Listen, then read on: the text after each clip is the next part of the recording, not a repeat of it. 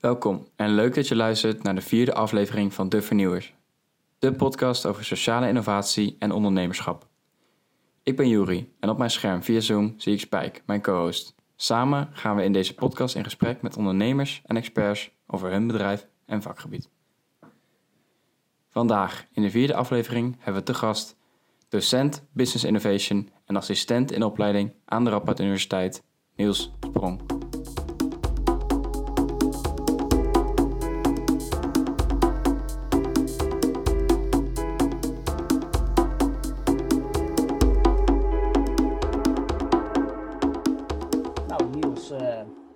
Welkom. Goeie, goedemiddag hier op de vrijdagmiddag.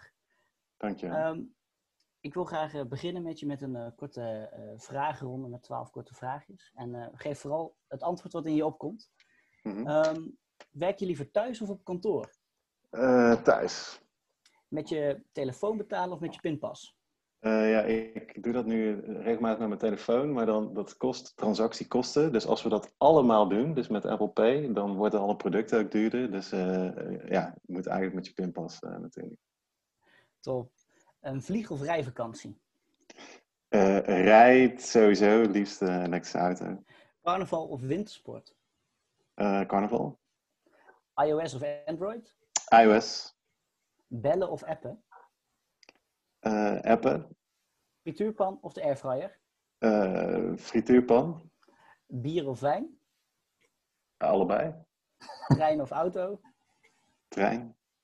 Een kopje koffie of een kopje thee? Koffie. Salade of friet? Friet. Eh, Netflix of televisie kijken? Eh, Netflix. En honden of katten? Eh, geen van beide. Eh, dieren moeten niet eh, in een huis eh eh, opgehokt worden. Ja, trouwens, als je op een boerderij woont, dan, dan honden. Dankjewel Niels. Ehm, ik hoop dat iedereen een leuk beeld heeft gekregen. Heel kort wie je bent. en daarom wil ik ook gelijk ja, eigenlijk doorgaan met... kan jij ons eens vertellen wie je echt eigenlijk bent, Niels? Wie ik eigenlijk ben, ja, dat is heel moeilijk uit te leggen. Ik hoop dat dat in de komende 40 minuten eh, duidelijker wordt. Maar eh, We gaan ons best doen. Ja, precies. Eh, nee, ik, eh, ik ben eh, Niels en eh, eh, inderdaad eh, onderzoeker eh, en eh AIO bij, eh, bij de Radboud Universiteit. Dus ik doe onderzoek naar eh, het creëren van markten voor duurzame innovaties. Eh, en eh, ja, vanaf waar je het hebben? Dus ik, eh, eh, toen ik, eh, ik kon redelijk goed leren, dus eh, na het gymnasium heb ik eh, liberal arts gedaan, University College in Maastricht. Daarna een master in Maastricht, Science and Technology Studies en Sociology, dat is de so- sociologie van wetenschap en technologie. Nog een master in Environmental Sciences en nu dus een PhD. Dus ik vind het ook wel echt leuk om, om te leren en dingen te bestuderen. En nu zit ik ook in het onderwijs, nou wat uitstapjes in, in het bedrijfsleven en als ondernemer te hebben gemaakt. Ehm, nou eh, laten we kijken wat er nog meer eh, over mij te weten komen de komende, komende minuten. Precies. En eh, dat onderwijs, hè? je zei, en dat is ook wat we net zeiden, hè? docent bij Business Innovation. Dat is Mhm. ook de, de opleiding die uh, Jury en ik allebei op dit moment doen. Hoe ben je, hoe ben je daar terechtgekomen?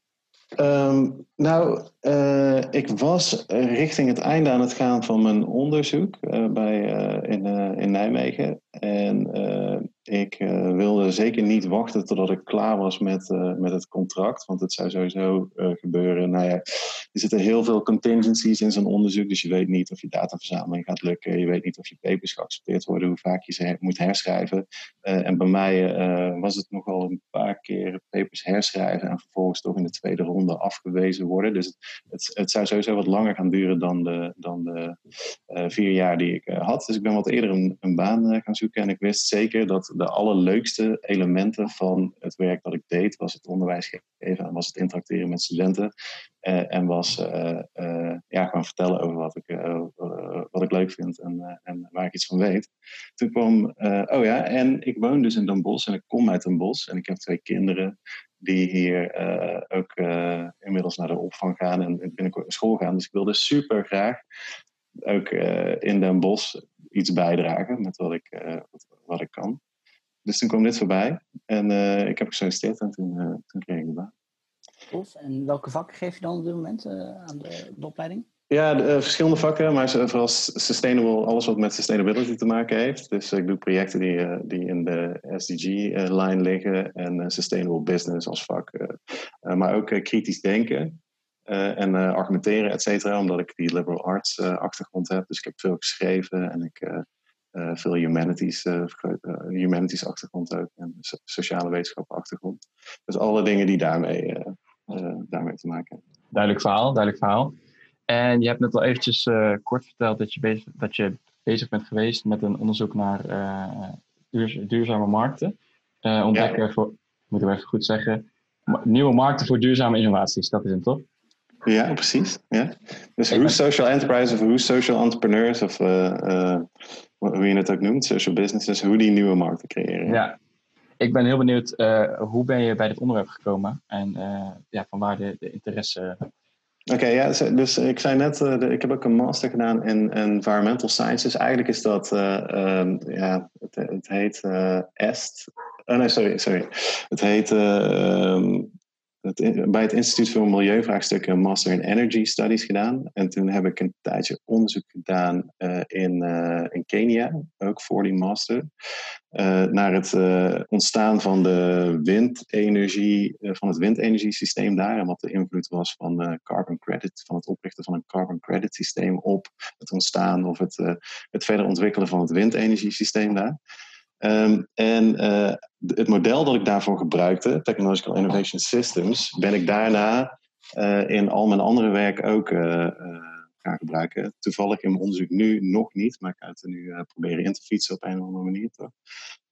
maar ik heb ook een bedrijfje opgericht waarin ik dus die, het aanzwengelen van technologische, van, van innovatiesysteemfuncties probeerde het soort van ja, praktisch te maken ja, dat, dat, dat, eh, daar ben ik dus de afgelopen jaren mee bezig ben. En zo ben ik uh, zowel in het, uh, het onderzoek in Nijmegen gerold, omdat dat een, een vacature voor een promotieplek uh, over hoe je als ondernemer impact kunt maken met het introduceren van duurzame innovaties.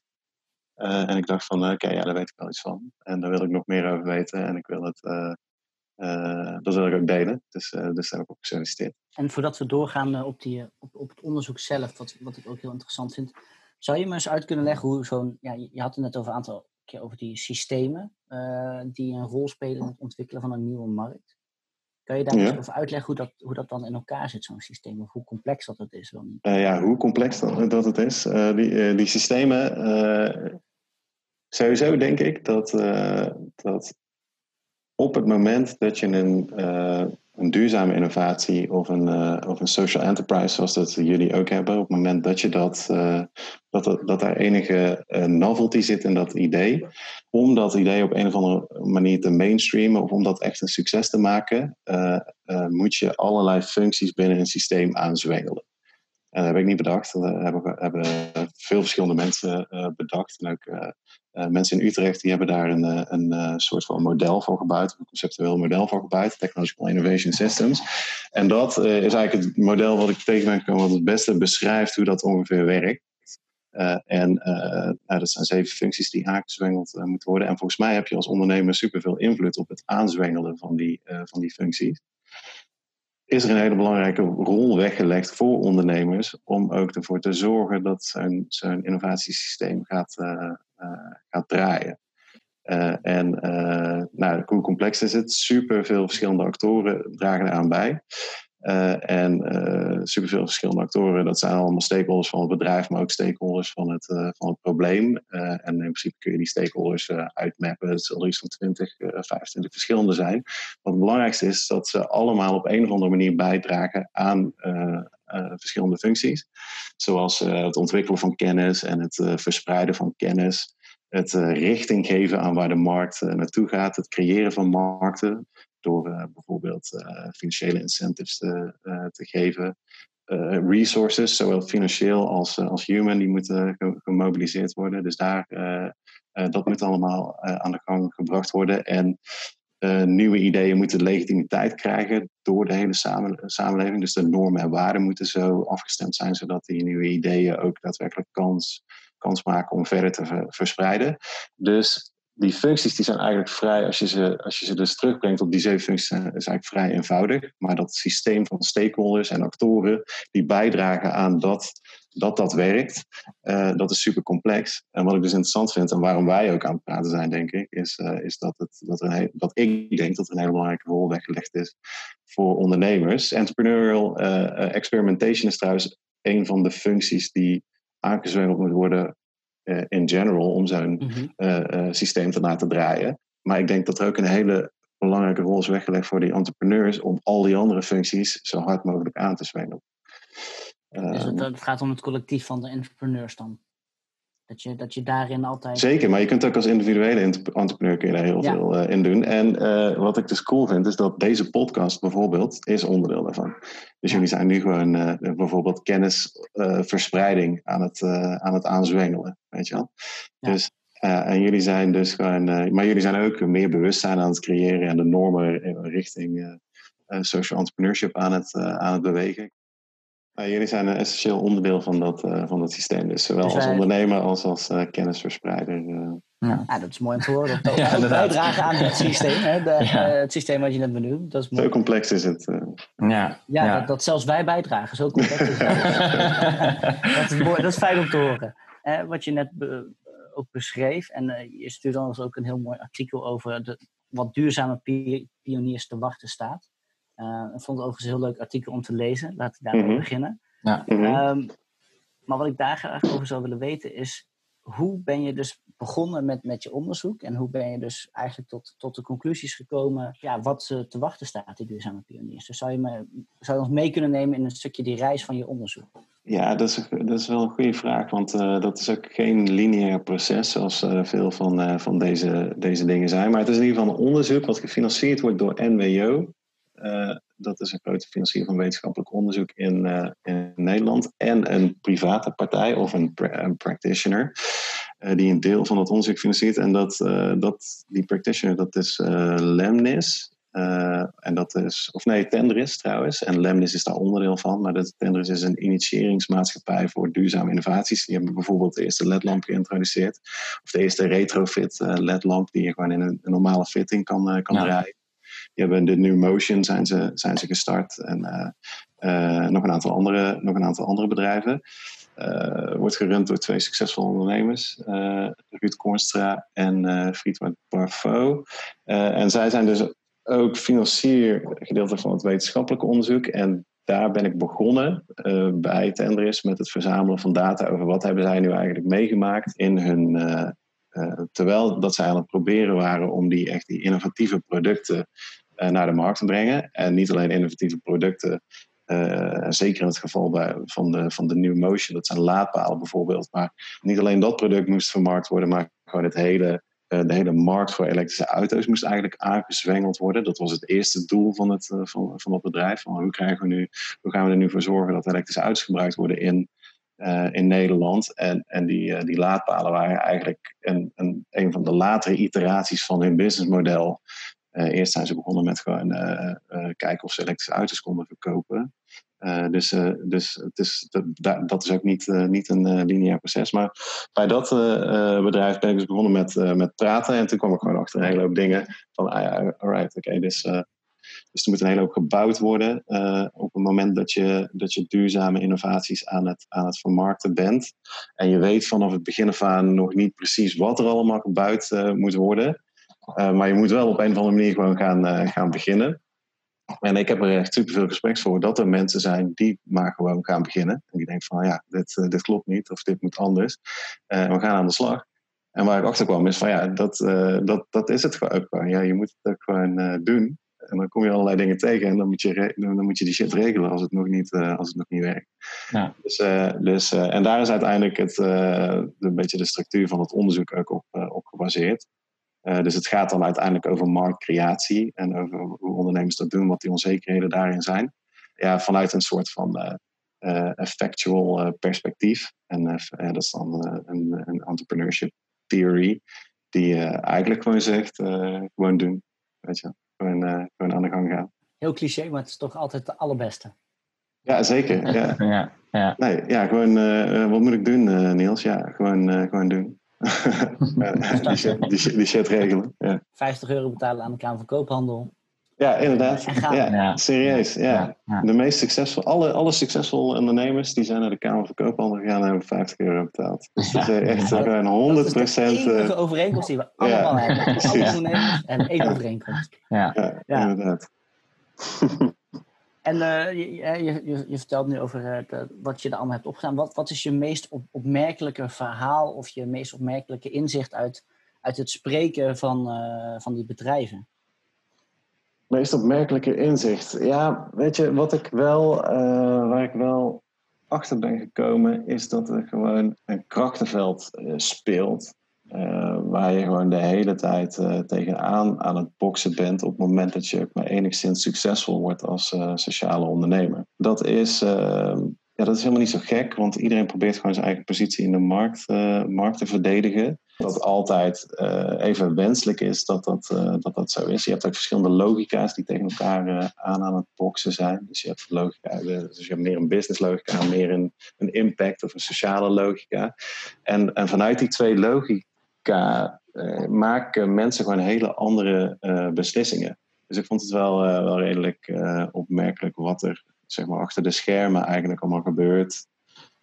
Waarvan je denkt van ja, oké, dat is oké, zo gaat het, weet je wel. Maar is dat ook daadwerkelijk wenselijk? Ja, ja, weet je, is dat ook daadwerkelijk wenselijk? Specifieke anekdotes is moeilijk, is moeilijk te zeggen. Maar ik, wat ik bedoel is bijvoorbeeld, het is echt een, iets heel triviaals. Zo lijkt het, weet je wel. In Brussel wordt een tender uitgeschreven voor, eh, eh, voor spaarlampen, waar gewoon gemeentes zich op kunnen eh, inschrijven om, of bedrijven zich op kunnen inschrijven om voor bepaalde gemeentes alle lampen te vervangen naar, naar spaarlampen. En daar staat dan gewoon specifiek in dat dat spaarlampen moeten zijn, dat dat CFL-lampen moeten zijn, Compact Fluorescent Lights. En dat heeft gewoon iemand die mee heeft geschreven aan die tender, die heeft daar gewoon de specificaties van het product in gezet. Maar op het moment dat je die specificaties daarin zet, dan sluit je automatisch bijvoorbeeld LED-lampen uit. Uh, dus, uh, dus dat zijn allemaal van die, van die uh, dat soort anekdotes vind ik, altijd, vind ik altijd wel super opmerkelijk. Want ja, is dat zeg maar heel erg um, is, dat bewust, is dat bewust gedaan? Wie, wie heeft daarvoor gelobbyd of wie heeft ja, er meegeschreven ja. aan, aan die tender? Uh, dat soort dingen uh, vond ik wel gewoon. Er ging wel een beetje een wereld voor me open toen ik uh, zag wat er allemaal gebeurde. Sterker nog, mijn onderzoek is ook gewoon richting creëren van die markten.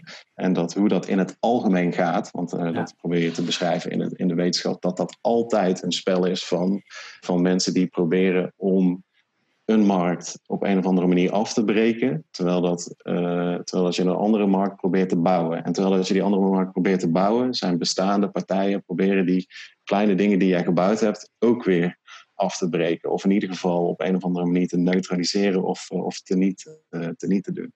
Dus dat, uh, dat, dat krachtenveld ben ik, aan het, ben ik nu nog steeds aan het beschrijven. Maar daar gaat het, daar gaat het dus ongeveer over. Dat komt door van die, kleine, van die kleine dingen waarvan je denkt van ja, fuck. Uh, dat is echt niet wenselijk dat dat, dat dat zo gaat. Aan de andere kant is ook wel. We moeten, ja, het is goed om daar meer inzicht in te krijgen. Wat, wat voor soort dingen dat allemaal, dat allemaal zijn, zodat we daar in de toekomst ook rekening mee kunnen houden. Ja, want dat is eigenlijk. Je beschrijft eigenlijk, zoals ik het, als ik het goed heb begrepen, de strijd tussen partijen die. Nou, misschien mag je commercieel heel erg ingesteld zijn. En misschien de gevestigde orde en partijen die. ja, dus wat meer op impact gericht zijn en wat meer sociale doelstellingen hebben, beter uh, voor het milieu, voor de maatschappij. Beetje die strijd tussen die twee van de ja, verschillende partijen. Nee, je, je hebt helemaal gelijk. En uh, ja, dat kun je ook op allerlei andere verschillende manieren interpreteren natuurlijk. Want hoe groter je als bedrijf bent, hoe meer je ook kunt doen. Zeg maar hoe groter de impact is als je maar een kleinere, een kleinere wijziging, wijziging maakt. Dus, dus uh, grote bedrijven kunnen het, of de gevestigde orde kan het ook altijd uitleggen als dat zij toch wel meer impact hebben. Of dat ze toch wel impact hebben. Um, uh, dus ik beschrijf eigenlijk gewoon dat, ja, dat, gewoon dat steekspel of dat, uh, dat, dat constante spel tussen het introduceren van problemen op het oude product door de, door de challenger, dus door de sociale onderneming. En dan weer het, een, een contraprobleem van ja, maar jullie product werkt nog helemaal niet. Dus, dus de hele tijd, uh, dat, mm-hmm. dat, dat, en zo, doordat zij de hele tijd met elkaar aan het bakkeleien zijn eigenlijk, doordat er conflict is tussen die twee partijen, ontstaat er uiteindelijk een een verhaal, weet je wel. En dat verhaal, dat verspreidt zich door, door de samenleving. En op basis daarvan gaan wij ook weer, gaan wij ook een beslissing maken als consumenten bijvoorbeeld. Of we iets goed keuren of niet. Of dat we elektrisch gaan rijden of niet. Dus ook bijvoorbeeld. Ja, ja, ja, ja. precies. Maar het is ook maar, weet je, het is, het zo moeilijk met onderzoek. Dat is ook maar een klein onderdeel, of, een onderdeel van mijn onderzoek. Weet je wel. Dus uiteindelijk bestudeer je heel veel en probeer je een paar papers te publiceren. Uh, en uh, dit wordt dan, uh, dus nog niet gepubliceerd hoor, maar dit, hier ben ik nu mee bezig, dus vandaar dat ik het er nu, nu over ja, het klinkt heel interessant, ja. ja. En, en, maar wat je ook zei, die, die, dat steekspel wat je dan net beschreef, hoe, hoe denk jij dat een uh, startende ondernemer of een startende innovator die strijd kan gaan winnen? Hoe, wat, wat zou die moeten doen volgens jou? Naast zich inschrijven bij de Kamer van Koophandel. Ja, ja, ja. Nee, eh, dus ja, inderdaad, stap 1 hebben we, hebben covered. Inschrijven bij de Kamer van, uh, van Koophandel. Maar wat ik probeer te beargumenteren, of wat ik probeer te helder te maken, is ook dat je van tevoren niet zo heel erg goed kan, kan zeggen wat je moet gaan, gaan doen. Uh, en wat gaat werken. Dus die, die, uh, er is echt superveel op het moment dat je een nieuw product introduceert en iets, of iets compleet nieuws probeert te vermarkten, dan is er superveel onzekerheid. En in plaats van dat je dus gaat bedenken op basis van mijn adviezen van wat moet ik allemaal in de toekomst gaan doen om, om succesvol te zijn of om, dat, om die strijd te winnen, moet je die strijd gewoon aangaan. En moet je vervolgens de dingen die op je pad komen, zo goed mogelijk proberen te, te handelen. Dus um, even kijken, kun je je daarvoor voorbereiden? Ja, de, voorbereiding is gewoon de hele tijd zoveel mogelijk blijven, blijven doen. Ik denk niet dat je tijd een boek, een boek kunt halen. Nee. je, je kunt jezelf niet voorbereiden op wat je niet weet dat gaat, dat gaat komen. En dat is ook heel erg de, die tip die jij gaf in het artikel. stop niet als je tegen muren aanloopt, maar wees creatief en zoek naar oplossingen ja, want je, je, als je gaat lopen, dan loop je uiteindelijk tegen een, eh, tegen een muur aan. Maar dat is juist de bedoeling. Dus, dus uh, iemand die niet loopt, komt nooit ergens. En als je, maar als je wel gaat lopen, dan zul je tegen een muur aanlopen. En, en uh, het belangrijkste is, wat ga je dan doen? niet teruglopen, weet je wel. Dan ga je gewoon proberen om over die muur heen te klimmen of een uitgang, uitgang te zoeken. En daar moet je mensen voor erbij trekken op basis van wie jij bent. dan moet je dingen die je weet voor uit de kast, uit de kast halen. En uh, moet, je, moet je mensen die je kent voor mobiliseren. Ja. Ja, je moet gewoon voortdurend uh, gewoon bezig blijven, weet je En je moet gewoon voorwaarts, voorwaarts gaan. Veel, veel forward heet dat ook wel. Uh. Ja, ik denk dat veel... Ja, dat is natuurlijk ook makkelijk te zeggen. Dat dat ook het heel typerend is voor ondernemers die, die de, die drive om vooruit te gaan en die muur misschien zelfs bijna op te zoeken. En vooral dan op dat punt, voor mij valt het punt erop wat, wat je maakt of breekt. Mhm. Op het moment dat je ergens staat en je staat voor zo'n uitdaging als zo'n muur, hè, om het uh, die metafoor te houden, als je daar niet overheen komt, dan, uh, ja, dan, dan lukt het ook vaak niet meer, denk ik. En als je juist het je lukt om op dat punt nog uh, te kunnen na te denken, oké, wat is nou de beste oplossing? Hoe kunnen we hier overheen, omheen, moet ik er misschien keihard doorheen, ja, om vanuit daar door te pakken. En het mooie is dat, dat als je ook, als je de eerste keer er tegenaan loopt, dat dat niet betekent dat een tweede keer het weer mislukt.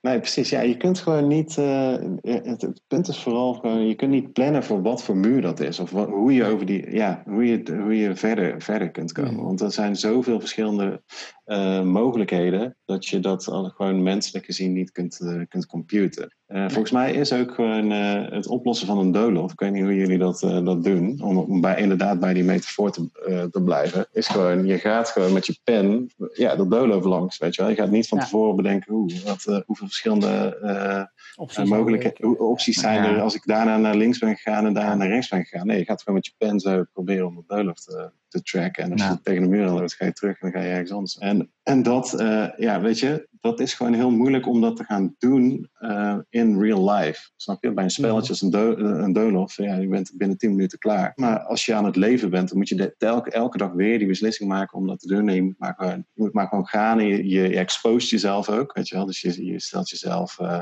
ja, de wereld kijkt ook gewoon naar je op het moment dat je zo'n onderneming hebt. En op het moment dat je, dat je naar buiten, dat je dingen naar buiten aan het dragen bent. En je denkt, iedereen is natuurlijk onzeker of ze het goed of, uh, of niet uh, goed doen. Maar pas als je het doet, kom je weer, nieuwe, kom je weer op nieuwe paden. En uh, ja, ga je weer nieuwe, nieuwe richtingen ontdekken en, en, en ga je voorwaarts.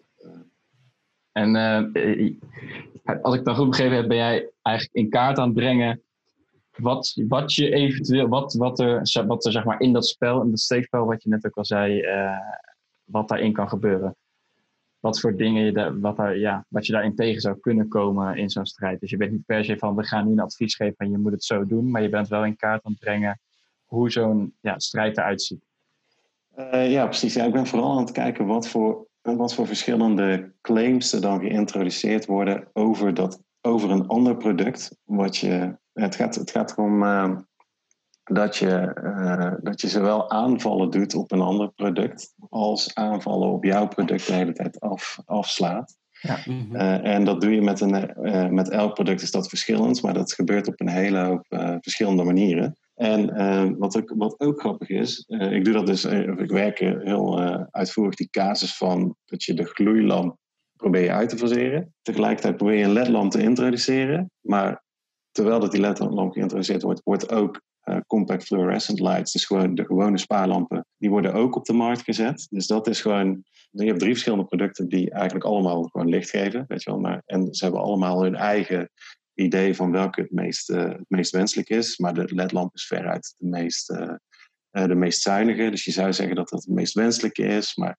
aan het begin van, van, van de ontwikkeling van zo'n ledlamp is dat misschien nog niet helemaal de meest zuinige. Of geeft hij nog niet het fijnste licht. dat zijn dan claims die worden geïntroduceerd door de, door de tegenpartij, zeg maar. uiteindelijk kom je ergens uit. Maar het grappige is dat dat dus omdat je uh, bij duurzame producten, hè, dus, dus laten we even vooropstellen dat uh, duurzame producten, dat ik denk duurzame producten eh, bestaan niet. Je hebt wel, wel nieuwe producten met een duurzaamheidsbelofte, dus die bijvoorbeeld zuiniger zijn dan andere producten. Maar als je, als je elk product dat je maar gewoon dat niet circulair is en dat je genoeg, niet 100% circulair is en dat je maar genoeg verkoopt, dus op een gegeven moment raken daar de grondstoffen van, van op. Dus bij elke duurzame innovatie speelt dit. En ook een elektrische auto is aan het boksen tegen internal combustion engine auto's. Dus dat is de eerste, het eerste gevecht dat plaatsvindt. Maar nu zitten we te denken van, ja ja, hydrogen is toch eigenlijk wel een stuk, uh, stuk handiger, weet je Want je hebt gewoon helemaal geen, uh, geen uitstoot. En dat product gaat het, uh, gaat het waarschijnlijk, als je dat volledig op elektriciteit laat runnen, heb je die batterijen niet nodig. En dat product gaat of ja, die heeft, dat heeft weer een belofte om en beter te werken en misschien nog wel duurzamer te zijn dan elektrische auto's. Dus, dus die introductie die is nu ook aan het plaatsvinden en die gaat ook, uh, die gaat ook weer komen. Dus dan heb je weer zo'nzelfde situatie. Eigenlijk bij alle producten heb je zo'n situatie waarin voortdurend de oude markt uh, afgebroken moet worden en de nieuwe markt tegelijkertijd opgebouwd moet worden.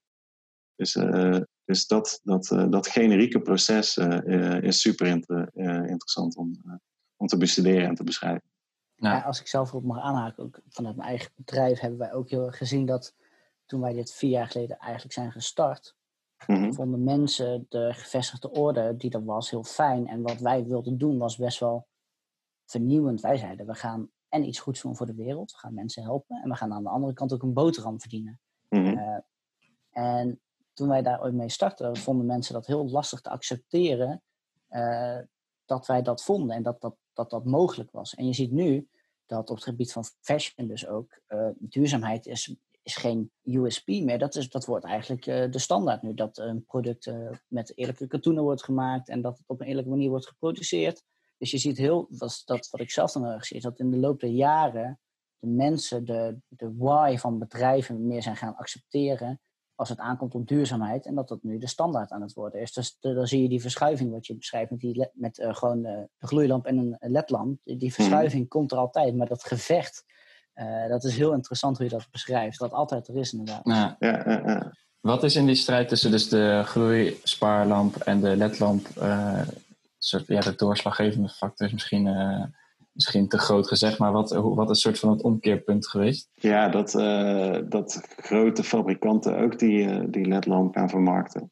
Ja. Ja, dus wat heeft, wat heeft voor dat omkeerpunt uh, gezorgd? Dus wel, dat is, niet, dus is geen eenduidig antwoord op, nee. op, op te geven, want dat is ook gewoon dat, dat systeem. Dus dat systeem wordt aangezwengeld. Ja, ik denk wel dat, dat gewoon bijvoorbeeld Lemnis, en vooral Lemnis ook eigenlijk, dat, dat die die functies waar we het in het begin van de podcast over hadden, dat die die gewoon uh, hard zijn gaan aanzwengelen. En dat er veel meer kennis is gekomen, dat, uh, dat, uh, dat die gloeilamp gedelegitimeerd werd. Dus dat dat niet meer, dat het feit dat die zo verspillend is, dat dat niet oké werd gevonden. En dat die ledlamp tegelijkertijd steeds meer gelegitimeerd werd. Uh, dat, er, uh, dat er dus andere bedrijven ook mee aan de slag gingen, dus grotere bedrijven mee aan de slag gingen. Ze hebben gewoon een hele belangrijke rol gespeeld in het aanzwengelen van die, uh, van die functies. Ja. dus wat is de, ja, je probeert altijd gewoon positieve feedback loops. Dus het zijn complexe systemen. Dus, um, dus je probeert positieve feedback loops te creëren. En je weet eigenlijk, en dit is ook nog, nog een ander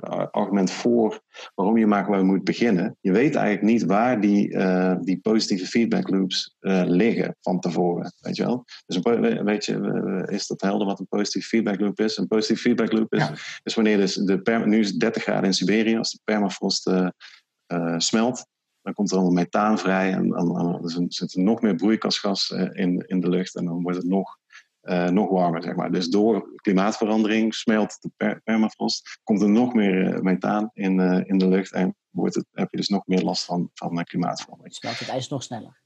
Precies, ja. Dus dat, ja. Zijn, dat zijn positieve feedback loops. En dat, dat, die, die dingen die weten we uit uh, complexity uh, theory en, en die worden heel veel toegepast op het weer bijvoorbeeld, of complexe natuurkundige systemen. maar die werken dus ook gewoon in, in complexe samenlevingsstructuren.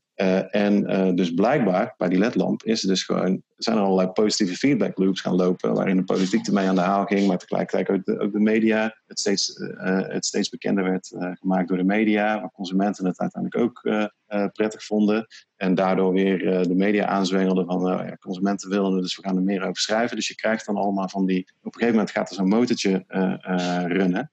En dan krijg je dus in principe de volledige.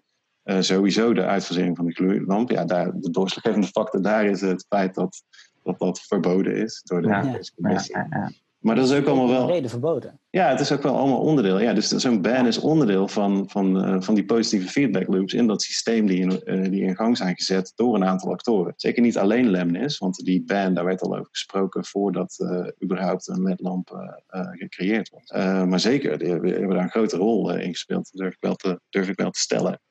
en daarom zou ik ook gewoon alle, alle jonge en duurzame sociale ondernemers aansporen om gewoon aan de gang te gaan. En om, uh, om, dat, uh, om die systemen aan te gaan zwengelen. Dus daarom, uh, daarom vind ik het ook leuk om in die podcast te zitten. Om dit gewoon honderd ja. keer, te, keer te zeggen. Ja, we vinden het heel graag om te horen. Zeker. Ja, ja en je zei net sociale ondernemers. En we hebben het ook over innovatie. Wat is volgens jou het verschil daartussen? Tussen sociale ondernemers en sociale innovators? Als er al een verschil is. Ja, wat, wat uh, semantisch of, uh, of uh, in, in, in de realiteit? Wat, wat bedoel je? In de realiteit. Ja. Kijk, en, en dus misschien is het wel hetzelfde. Semantisch is een ondernemer niet altijd een, een innovator, want een ondernemer is ook een kapper. En ja.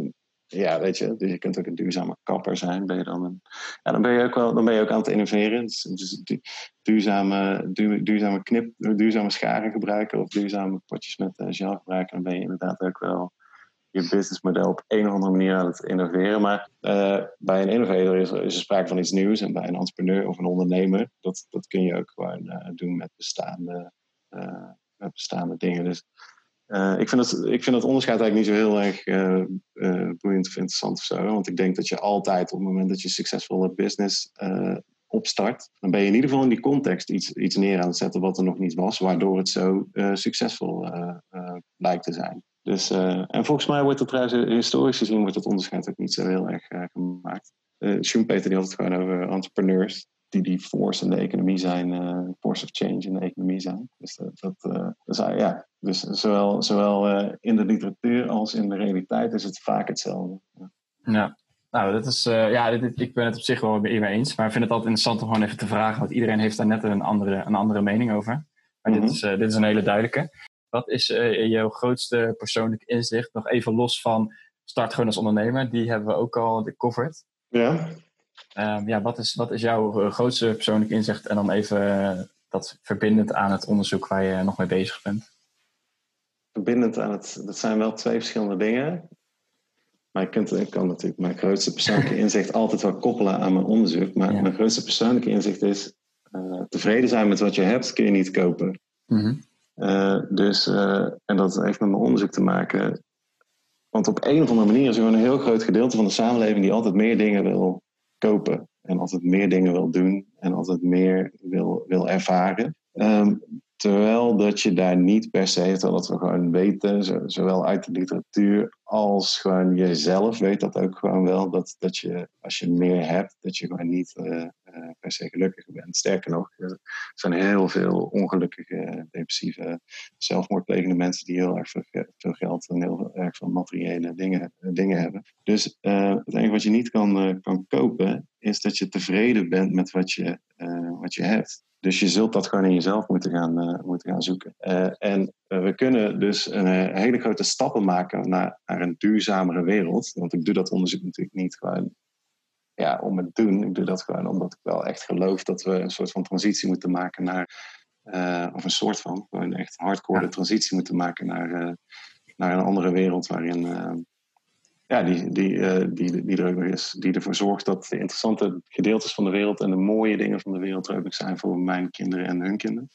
Um, dus ik denk dat een onderdeel daarvan is ook wel minder consumeren. En gewoon tevreden zijn met wat je hebt. Mm -hmm. Ben je er zelf dan ook bewust mee bezig met het minder, minder consumeren? Ja, zeker. Ja. Op welke manier doe je dat dan nu vooral? Ja, ik koop gewoon zo weinig mogelijk. En als je even oh ja, je, uh, ik kan het wel aan jullie laten zien, maar dit is natuurlijk een podcast. Dan staan alleen maar uh, of vintage of antiek of uh, tweedehands okay. dingen. Dus, dus ik ben sowieso heel bewust bezig met minder nieuwe dingen kopen. Maar dat is niet helemaal hetzelfde natuurlijk. Maar ook gewoon ja, weet je, gewoon genieten van, uh, van uh, wat ik heb. Weet je? En uh, blij zijn met, met, met het gezin. Ja, zeker heel bewust, heel bewust mee bezig. Ja, dus je kunt het echt, het is, aan de ene kant is het persoonlijk, dus tevreden zijn met, met, met je geluk, met, met wie je om je heen hebt en je leven. En aan de andere kant is het dus met de spullen die je hebt. Dus ga niet alleen maar nieuwe dingen kopen, maar denk eens ook van heb ik echt iets nodig? Of, ja, als je, als je rusteloos bent, kun je, uh, uh, of niet helemaal tevreden bent, kun je iets gaan kopen. Weet je wel, om, uh, om die endorfines ja, aan de gang te krijgen. Maar je kunt ook denken, oh nee, dat, ik probeer die endorfines aan de gang te krijgen. Dus ik kan, ik kan ook proberen om dat te doen door tevreden te zijn met, met wat ik heb. Dus Als je dat elke van, van je lust naar, en je drang naar vernieuwing. Ja, ja precies. Ja. De, het belangrijkste persoonlijke, persoonlijke inzicht. En ik zelf, wat, wat we tot nu toe vaak horen en zien, is dat mensen altijd een, toch een soort van bron van inspiratie hebben. En dat, dat kan een, uh, hele, een bron zijn die heel dichtbij staat. Uh, dat zouden familie, vrienden, je ouders kunnen zijn.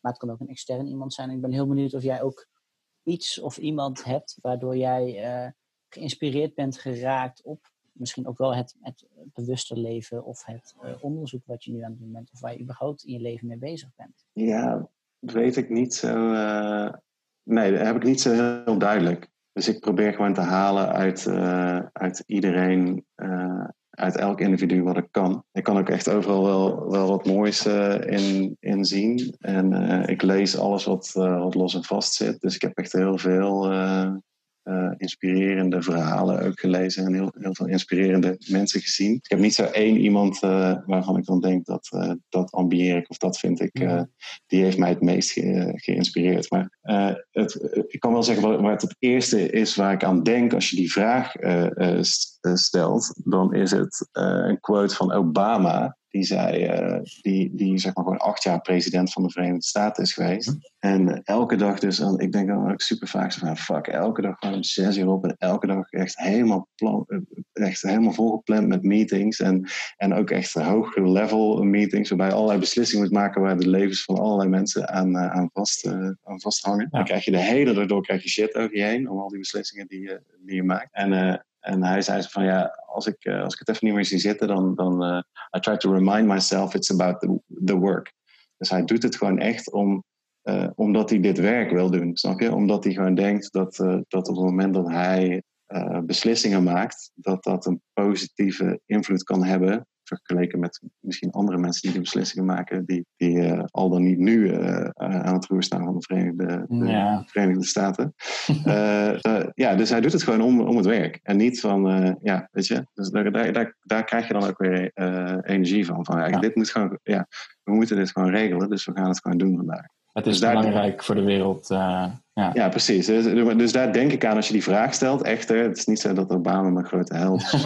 ja, het is wel een, uh, ik, vind het, ik vind het wel een held. Maar het, ja, uh, ja, absoluut. Uh, Niels, we gaan uh, richting een afsluiting. Um, we vinden het altijd heel leuk om nog deze vraag te stellen. Um, ja, welk film, boek, docu moet iedereen volgens jou gezien hebben?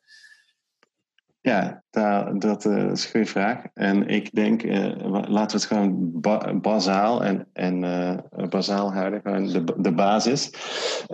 Planet Earth en, en andere documentaires zoals Planet Earth en Human Planet. Dat is een soort Planet Earth, maar dan over menselijke volken, volkeren. Um, omdat ja, je, iedereen moet gewoon echt zien wat, wat je kwijt zou kunnen raken op het moment dat je zo blijft produceren en consumeren zoals dat we nu doen.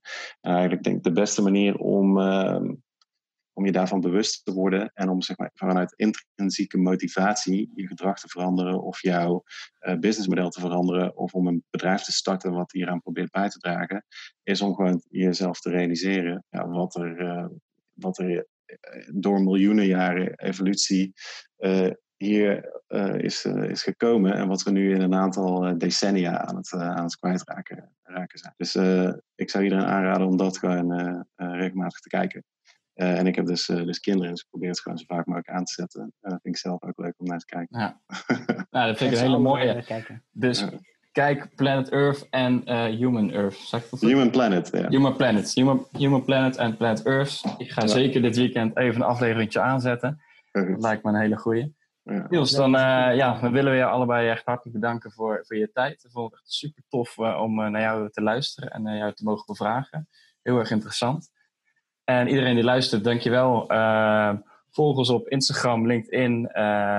Beluister de podcast. Dankjewel en tot de volgende keer.